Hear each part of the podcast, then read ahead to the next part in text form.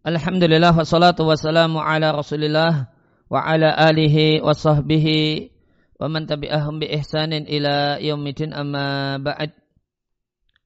Kaum muslimin dan muslimah rahimani wa rahimakumullah. Ya, dalam rangka menyambut kedatangan bulan Ramadan di tahun ini 1442 Hijriah kita akan membaca dan mentelaah buku tipis berjudul Mukhtasar Ahadis Siam, ringkasan hadis-hadis seputar puasa, ahkamun wa adabun, hukum dan adab, karya Syekh Abdullah Al-Fauzan, hafidhallahu ta'ala wa faqahu.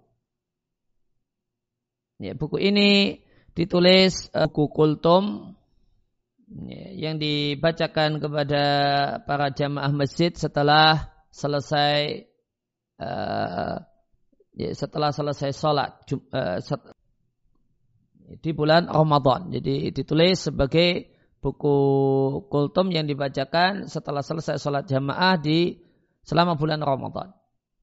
Kita lihat di halaman 4 mukaddimah.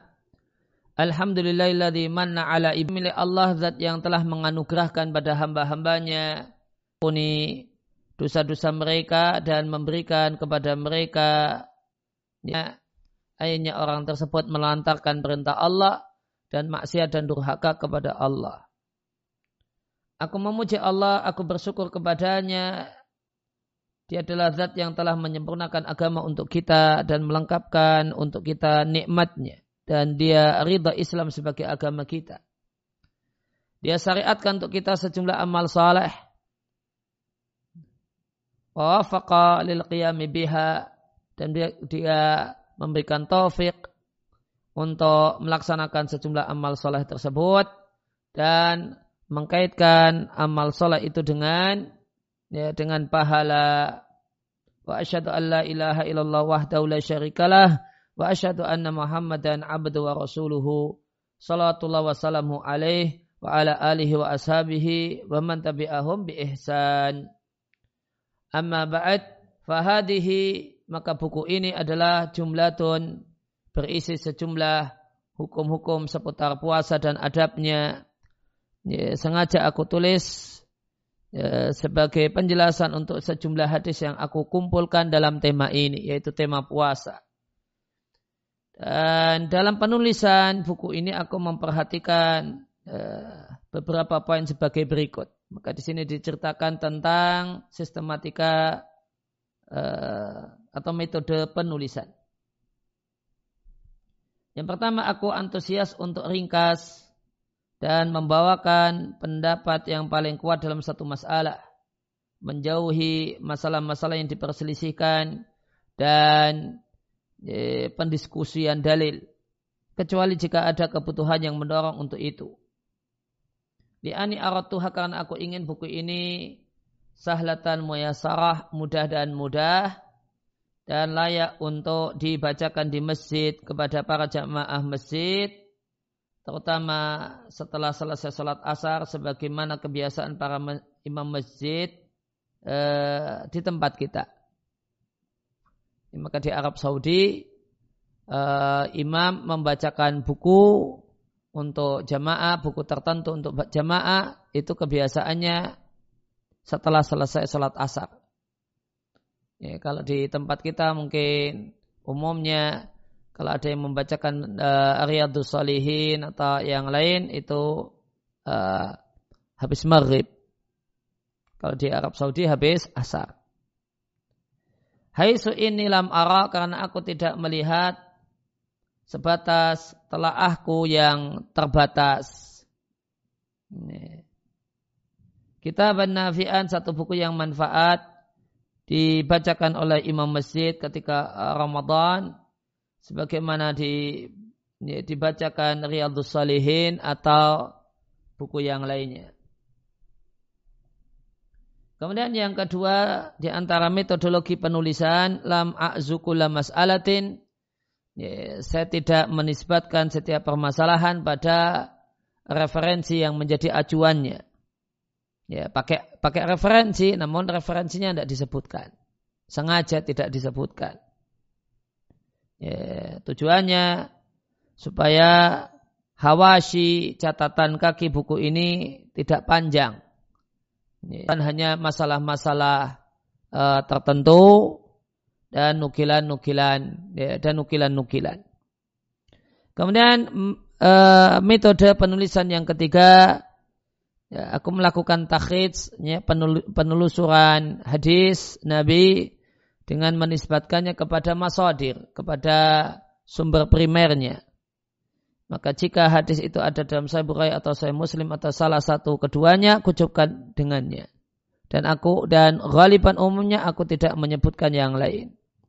Amma idza kana fi ghairihima adapun jika hadisnya ada pada selain Bukhari dan Muslim maka aku fil ghalib biasanya menisbatkannya hanya kepada kitab sunan. Dan terkadang aku tambahi lebih dari kitab sunan sebagaimana aku menisbatkan athar eh, sesuai dengan telaahku.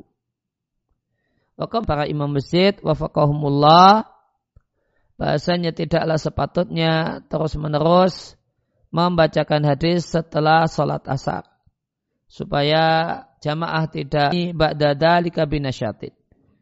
Mereka perhatian untuk mendengarkan yang dibacakan setelah itu binasyatin dengan semangat.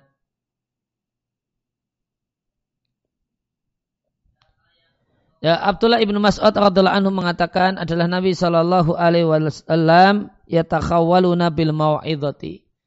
Ya, jarang-jarang memberikan mau'idah nasihat yang menyentuh hati fil ayami di ya, ya,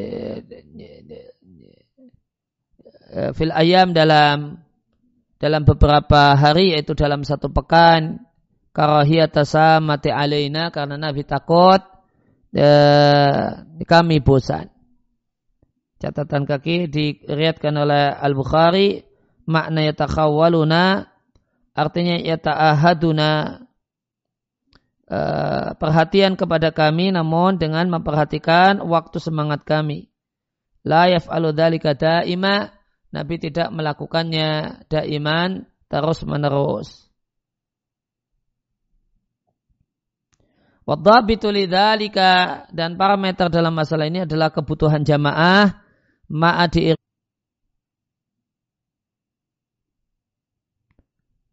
Ya, maka berkenaan dengan kalimat yang baru saja kita baca,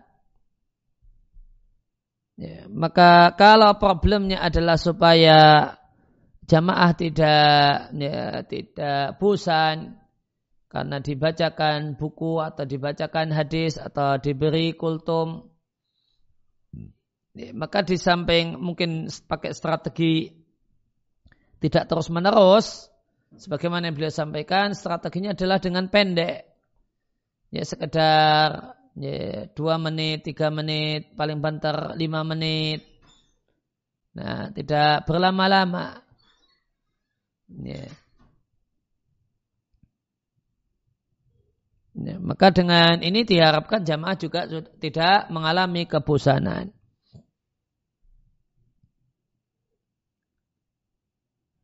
Ditambah kalau rutin, ya, kalau dirutinkan, maka jamaah tahu, kemudian dah apal, ya. sehingga mereka kalau oh nanti kalau sholat itu mesti ya, ya, ada sesuatu yang akan dibacakan, ya. sehingga mereka bisa mengkondisikan dan menyesuaikan diri. Namun kalau kadang ada, kadang tidak ada, Nah ini malah merepotkan jamaah. Karena mereka tidak bisa mengkondisikan kegiatannya kalau memang itu dianggap uh, menarik dan bagus. Ya, mereka tidak bisa mengkondisikannya. Kalau kadang ada, kadang tidak ada. Maka yang lebih tepat, wallahu a'lam dirutinkan agar jamaah tahu jadwalnya dan bisa mengkondisikan. Kemudian namun jangan panjang-panjang. Kemudian kamalatan bari al-mubadaratu bil hadisi. Sebagaimana tidak sepatutnya langsung menyampaikan setelah salam dari salat dengan alasan khawatir jamaah keluar dari masjid. bal tadaru namun ditunggu sampai orang-orang selesai berzikir karena zikir itu lebih penting. Dan supaya uh, ba'da farahim minhu setelah jamaah itu selesai ber, berzikir maka akan didapatkan kamalul istima'i wal intifa'i. Ya, maksimal dalam mendengarkan dan mengambil manfaat. Waman yabqa dan orang-orang yang masih tersisa untuk mendengarkan fihim al-kifayah. Maka pada diri mereka ya, kifayah cukup. Jadi maka di sini ada saran dari Sa Abdullah Al Fauzan bahasanya uh, pembacaan hadis atau pembacaan buku atau kultum semacam kita jumpai kalau di bulan Ramadan di terutama di Jogja ya ada kultum rutin setelah selesai sholat subuh. Kalau saran beliau, nah kultum ini ya, ya jangan saat begitu selesai salam langsung kultum. Dengan pertimbangan khawatir jamaah bubar. Namun yang tepat menurut beliau ya ditunggu sampai kira-kira dikir setelah selesai sholat itu selesai di uh, ya, ya, sel, uh, selesai dilakukan ya, 5 atau 10 menit. Nah, baru setelah itu kultum disampaikan dan loh kalau gitu nanti banyak yang bubar ya, maka beliau katakan orang yang tersisa mau duduk insya Allah itu yang uh, ya, mencukupi sudah mencukupi karena mereka berarti niat untuk belajar, niat untuk menyimak. Nah ini beliau nilai lebih ya, ya, ya, ketika menyampaikan pada orang semacam ini lebih manfaat. Ya. Ya, meskipun kalau uh, saran beliau ini ya bisa kita ya, bisa kita kemudian analisis ya dengan perlu kita bedakan antara ya pengajian yang panjang dengan kultum yang pendek. Ya, mengingat bahasanya zikir setelah selesai sholat itu tidak harus langsung uh, selesai salam, setelahnya juga masih bisa dan bisa sambil jalan pulang.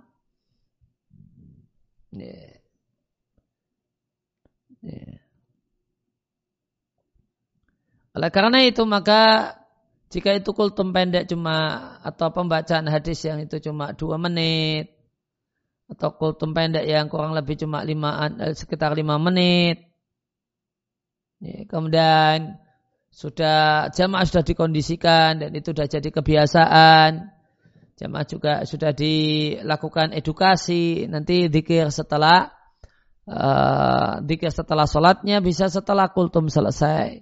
Bisa kemudian sambil jalan pulang. Yeah. Kemudian dalam rangka kemudian memanfaatkan kesempatan jamaah itu banyak, maka begitu salam. Imam atau orang yang sudah dipersilakan oleh imam ngasih kultum Mudah-mudahan tidak mengapa. Kemudian ada pun pendapat yang mengatakan bahasanya pengajian rutin atau kultum rutin, pembacaan hadis rutin setelah selesai sholat asar itu bid'ah, maka itu satu hal yang tidak benar. Karena ini hanya sekedar mau itu memberi nasihat. Lakinlah tambari al-mudawamatu alaihi. Ya, beliau katakan, namun sepatutnya bukan satu hal yang harus, jangan terus menerus. Walafakat dan tidak ada beda antara nasihat tersebut tertulis atau tidak tertulis.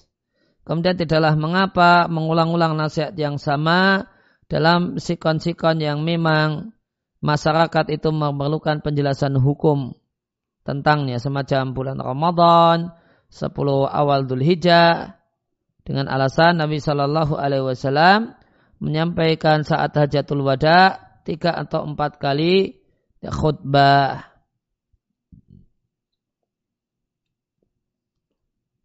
Maka berkenaan dengan kalimat dengan uh, apa yang beliau sampaikan pembacaan hadis atau kultum jangan dirutinkan di waktu tertentu semisal selesai sholat selesai sholat asar atau selesai sholat maghrib maka beliau memberikan saran jangan dirutinkan jangan dirutinkan atau layam bari tidak sepatutnya dirutinkan maka kata-kata tidak sepatutnya itu tidak menunjukkan keharusan, artinya dirutinkan berarti masih ada ruang untuk boleh dalam pandangan beliau. Kemudian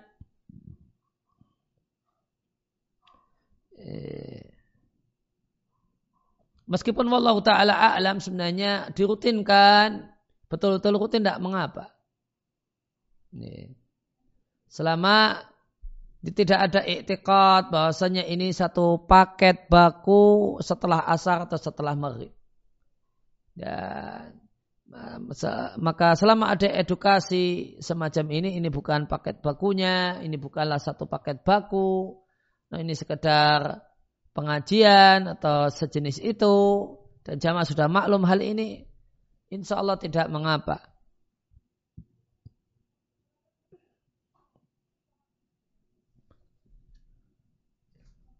Nah, kemudian beliau tutup wa as'alullah ta'ala ya ja'ala amali salihah wa liwajhi khalisa. Aku mohon pada Allah Ta'ala agar Allah jadikan karyaku ini adalah amal saleh dan karena uh, mengharap wajah Allah Subhanahu wa taala khalisa secara murni tanpa yang lainnya. Dan semoga Allah memberikan manfaat dengan buku ini. Innahu sami'un qarib. Sehingga Allah Maha mendengar lagi Maha dekat. Wa katabahu Abdullah ibn Saleh Al-Fauzan ditulis di Qasim, ya, satu kota di provinsi Buraidah di Arab Saudi. Ya, jadi buku ini asalnya adalah buku kultum. Ya, dan kultumnya kultum pendek sehingga artinya sehari ya tadi habis sholat asar cuma membacakan satu hadis dengan dan penjelasannya. Namun dalam kajian ini kita tentu tidak batasi dengan uh, dengan ini namun bisa jadi kita uh, dengan sebagaimana lainnya kultum namun bisa jadi kita baca dua atau tiga atau empat hadis. Yang pertama tentang wajibnya puasa dan sebagian dari hikmahnya. Dari Abdullah bin Umar radhiallahu anhuma Nabi Shallallahu alaihi wasallam bersabda, Islam dibangun di atas lima hal. Syahadat la ilaha illallah Muhammad Rasulullah, menegakkan salat, membayar zakat, haji ke Ka'bah dan puasa Ramadan mutafakun alaihi. Penjelasannya. Hadis ini dalil bagian dari rukun Islam dan tiang Islam yang besar. Allah wajibkan pada hamba-hamba dan rahasia yang mencengangkan.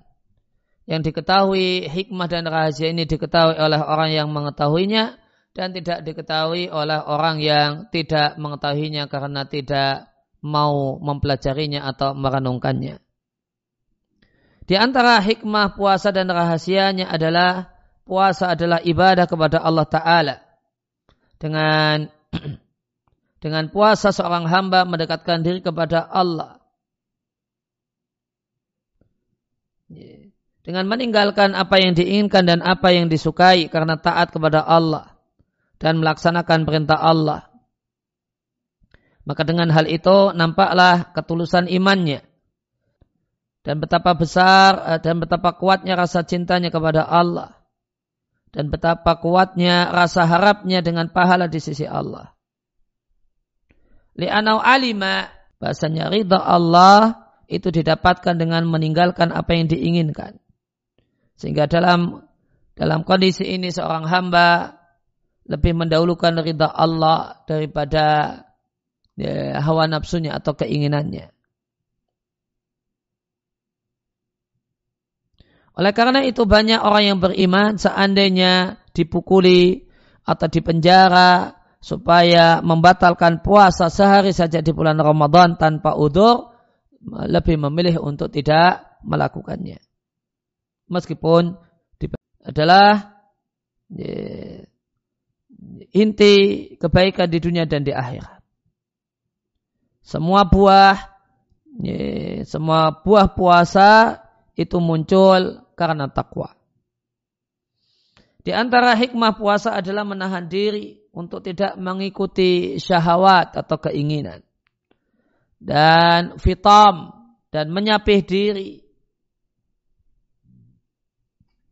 Diri disafih anil maklufat dari satu yang biasa ya, dinikmati ya, satu hal yang biasa dikonsumsi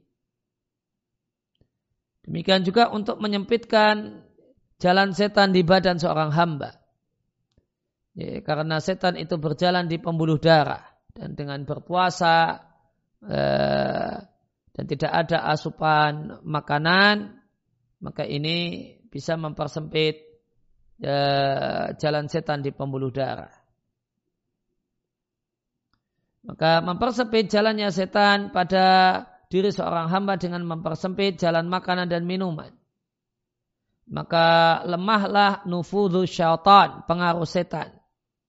Watakilu al-ma'asi, kemudian diharapkan ini uh, meminimalisir dan mengurangi maksiat. Dan di antara hikmah puasa adalah hati menjadi jernih. Ya, dan hati itu ya, kosong, fokus untuk berpikir dan berzikir. Ya, karena mengkonsumsi hal yang diinginkan oleh jiwa itu mengeraskan hati. Kemudian membutakan hati dari kebenaran. Sedangkan puasa itu menjaga hati dan anggota badan menjaganya supaya tetap pada seorang hamba nikmat dalam bentuk kenyang dan hilang dahaga. It ye, tuzkar bisyami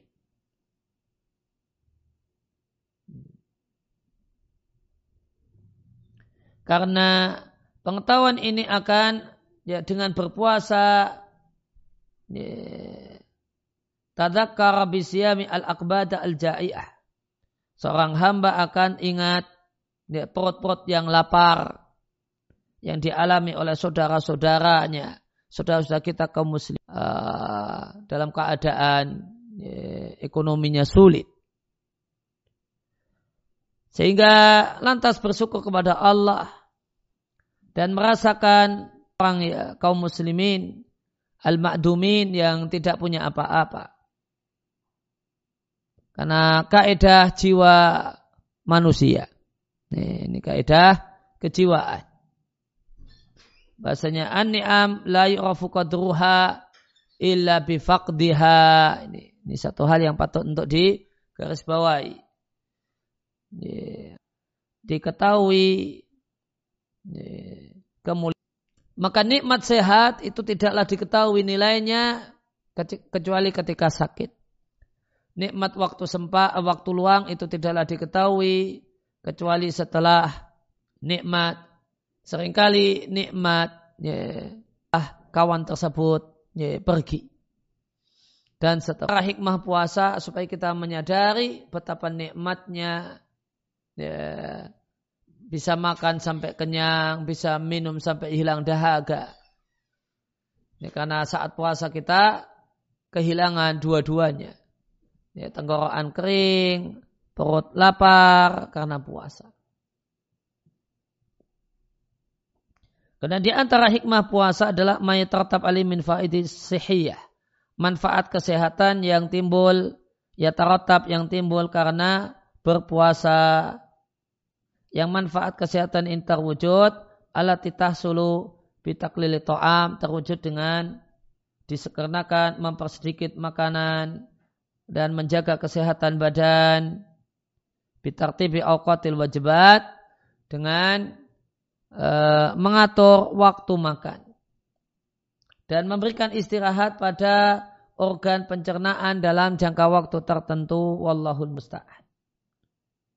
Wabil jumlati ringkasnya ya hikmah puasa itu besar, manfaatnya banyak dan Allah mengkaitkan pahala yang besar dan pahala pahala yang uh, pahala yang banyak dan pahala yang besar dikaitkan dengan puasa. Yang seandainya pahala yang besar tersebut bisa di, dibayangkan oleh jiwa seorang yang berpuasa atau diri seorang yang berpuasa. Latarat faraha. Niscaya dia akan berbunga-bunga karena gembira. Dan akan berangan-angan seandainya satu tahun yang 12 bulan itu seluruhnya adalah Ramadan. Wallahu a'lam. Allahumma ya Allah berikanlah taufik kepada kami untuk mengikuti petunjukmu dan jauhkanlah kami dari sebab-sebab kebinasaan dan kesengsaraan. Berikanlah kepada kami kepahaman tentang agama dan wafatkanlah kami ya, di atas sunnah penutup para nabi. Ampunilah kami keadaan kedua orang tua kami dan seluruh kaum muslimin. Kemudian hadis yang kedua tentang uh, puasa menurut syariat. Dari Abu Hurairah radhiallahu anhu Rasulullah sallallahu alaihi wasallam bersabda, "Kullu amali ibni Adam yudha'afu." Setiap amal keturunan Adam itu dilipat gandakan. Satu amal kebajikan dilipat gandakan minimal 10 kali lipatnya. Bisa sampai 700 kali lipat. Itu pun masih Allah komentari Ya 700 kali lipat ini kecuali untuk puasa karena sesungguhnya puasa itu milikku, akulah yang membalasnya. Ketika seorang itu puasa, ya da'u syahwatahu wa ta'amahu min ajli. Seorang hamba meninggalkan syahwatnya dan makanannya karena ku al-haditha muttafaqun alaihi.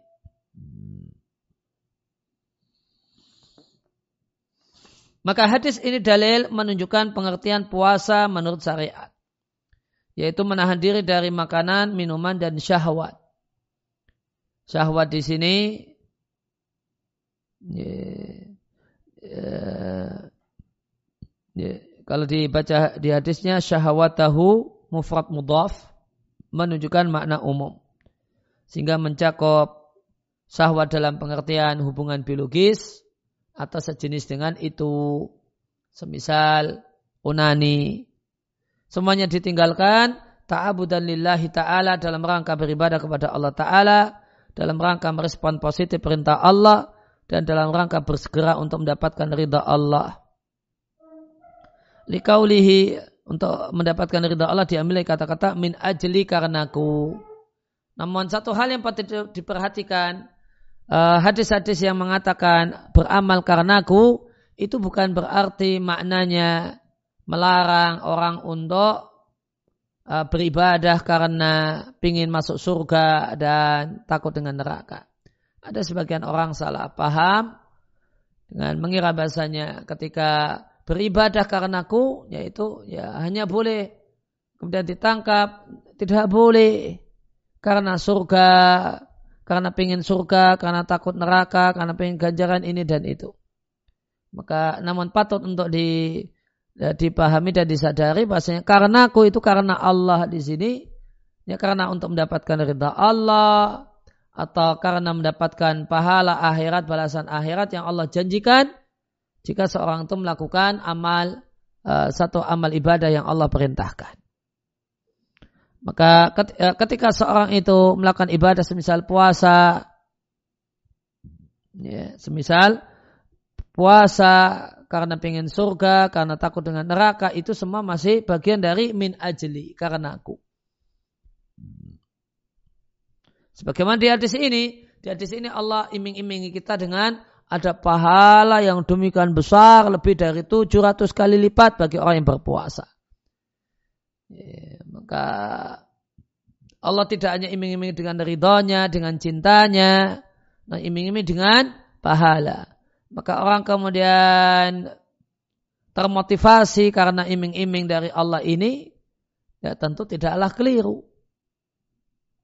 Karena iming-iming, karena penawaran ini, tentu harapannya adalah agar ya, orang yang mendengarnya, membacanya, dan meyakininya kemudian termotivasi untuk melakukannya. Dan itulah niat.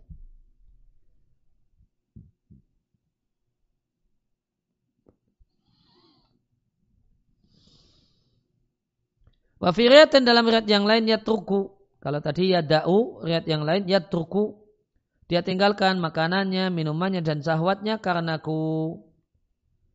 Uh, dan yang dimaksud dengan syahwat di sini adalah hubungan biologis dan dimungkinkan bahasanya yang dimaksudkan adalah semua syahwat termasuk di antaranya onani dan masturbasi dengan sisi pendalilan syahwat tahu di sini mufrad mudhaf jika mufrad mudhaf menunjukkan makna semua dalam riwayat Ibnu Khuzaimah redaksinya dia tinggalkan makanan karena kau dia tinggalkan minuman karenaku, dia tinggalkan kenikmatannya karenaku, dia tinggalkan istrinya karenaku.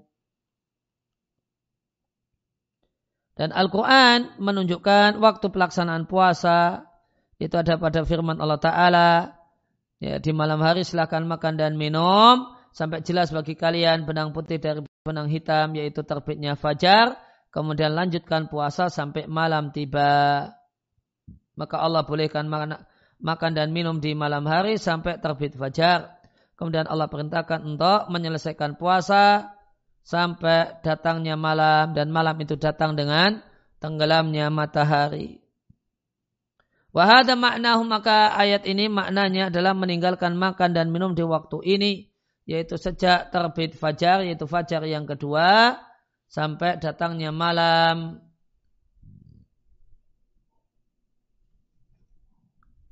dan malam itu datang dengan tenggelamnya dengan hilangnya bola matahari di ufuk barat.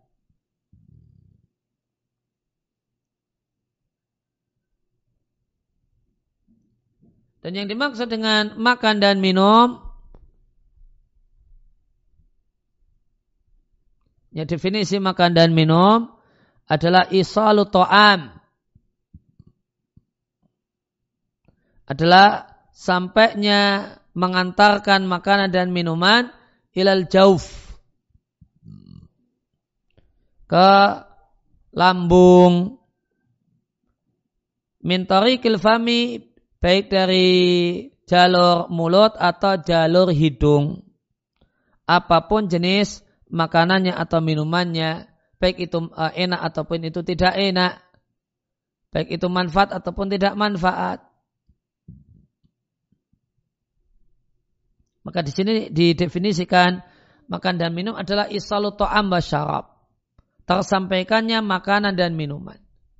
Nah, tersampaikannya makanan dan minuman ini ya berarti untuk disebut makan dan minum tidak harus dengan eh, cara-cara uh, yang familiar, pakai tangan atau pakai mulut, pakai sendok dimasukkan, tidak. Bisa jadi pakai selang. Nah, maka itu sudah memenuhi definisi isalu to'am. Ini bisa jadi pakai selang lewat hidung atau lewat mulut namun sampai lambung. Dan uh, jenis makanannya tidak harus enak seandainya di yang dimasukkan maaf maaf uh, kerikil atau yang lainnya maka itu uh, membatalkan puasa.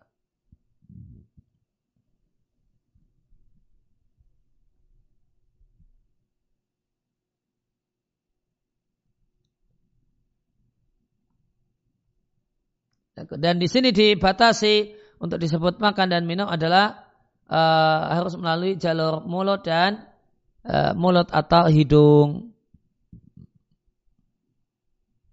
Nah, ini berbeda dengan definisi makan dan minum dalam ya, madhab syafi'i. Dalam madhab syafi'i makan dan minum parameternya adalah uh, masuknya sesuatu dari luar Ya, kemudian menuju rongga di badan. Rongga di badan tidak harus lambung atau bagian yang lainnya yang merupakan statusnya dinilai uh, rongga di badan.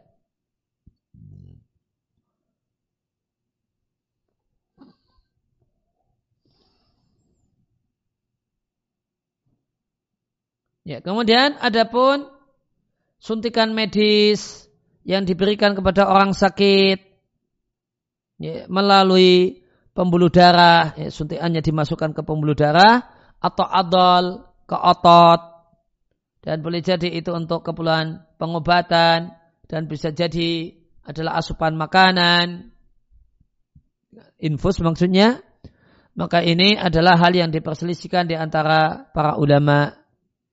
Ya, sebagian ulama berpandangan secara mutlak tanpa rincian itu membatalkan puasa dan ada yang merinci. Membedakan antara asupan makanan ini nanti sampai terasa sampai uh, mbak lambung ataukah tidak. Maka beliau memberi saran seandainya suntik, uh, suntikan injeksi dan semacam ini ditunda oleh orang yang puasa sampai malam tiba itu sikap yang lebih hati-hati menimbang sabda Nabi Shallallahu Alaihi Wasallam tinggalkan hal yang meragukan lakukan hal yang tidak meragukan. Dan hal yang meragukan itu apa bentuk realnya berbeda antara orang yang berilmu ataukah orang yang tidak berilmu. Kalau orang yang tidak berilmu, hal yang meragukan adalah perselisihan di antara orang-orang yang berilmu. Kalau hal yang tidak meragukan menurut orang yang berilmu adalah manakala ada ketidaksinkronan antara satu dalil dengan dalil yang lainnya nampak ada pertentangan di antara dua jenis dalil.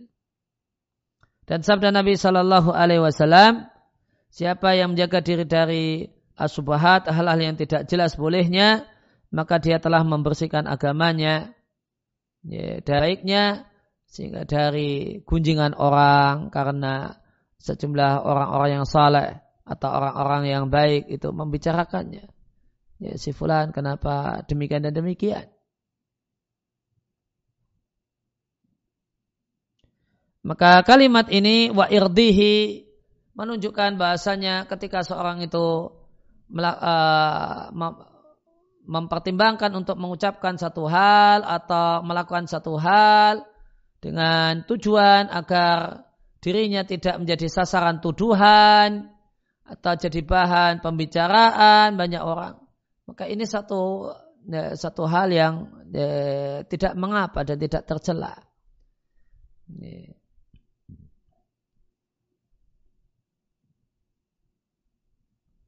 Asalkan tujuan semacam ini tidak kemudian menjadi alasan untuk meninggalkan hal yang disyariatkan.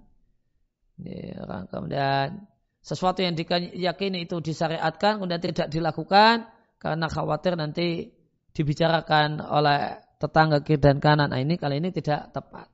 Tapi kalau pilihannya adalah ini sesuatu yang yang maksiat atau sesuatu yang diperselisihkan itu kemaksiatannya, boleh tidaknya, ya, halal ataukah haramnya, kemudian uh, kemudian lebih baik menghindari supaya terjaganya nama baik karena nama baiknya tidak jadi sas.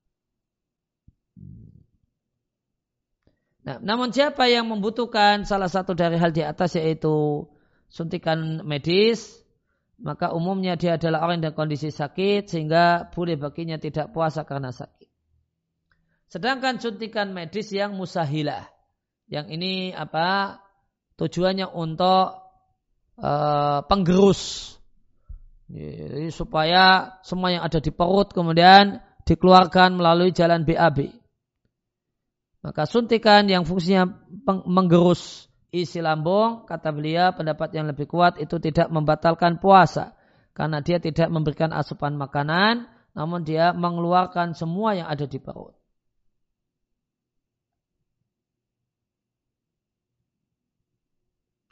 Kemudian orang yang puasa tidaklah batal puasanya dikarenakan mengkonsumsi obat e, asma dan sempit pernapasan ya, yang bentuknya adalah gas. Ya, Al-ghas itu gas. Ya. Al-bukhah ya dua pendapat ulama. Alasannya karena dia menjadi asap dan tidak sampai ke lambung.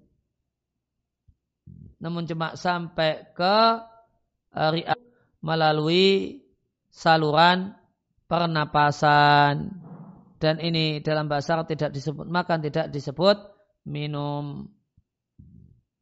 Dan seandainya diandaikan ada sebagian darinya yang sampai ke lambung, maka ini uh, sedikit dan diragukan. Jika seandainya dianalogkan dengan kumur-kumur dan bersiwak, ya, maka itu analog yang ya, wadih yang jelas.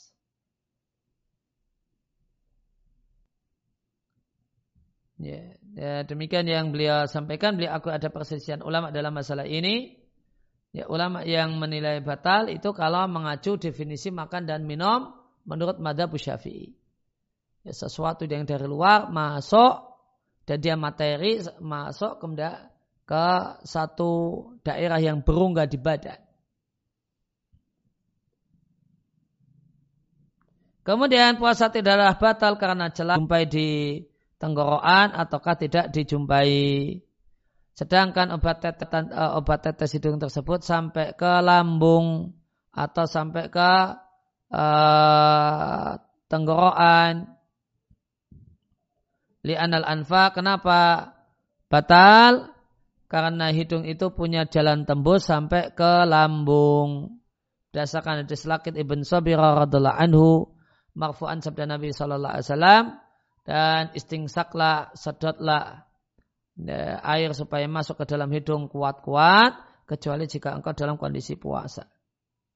Allah mafakina fidinina ya Allah berikanlah kami kepahaman dalam agama kami berikanlah kepada kami karuniamu ya, untuk bisa mengamalkannya dan istiqomah dengannya eh, dan mudahkanlah kami untuk uh, menuju surga dan jauhlah kami dari segala kesulitan dan ampunilah uh, kami di dunia di, di akhirat dan di dunia dan untuk kedua orang tua kami dan seluruh kaum muslimin.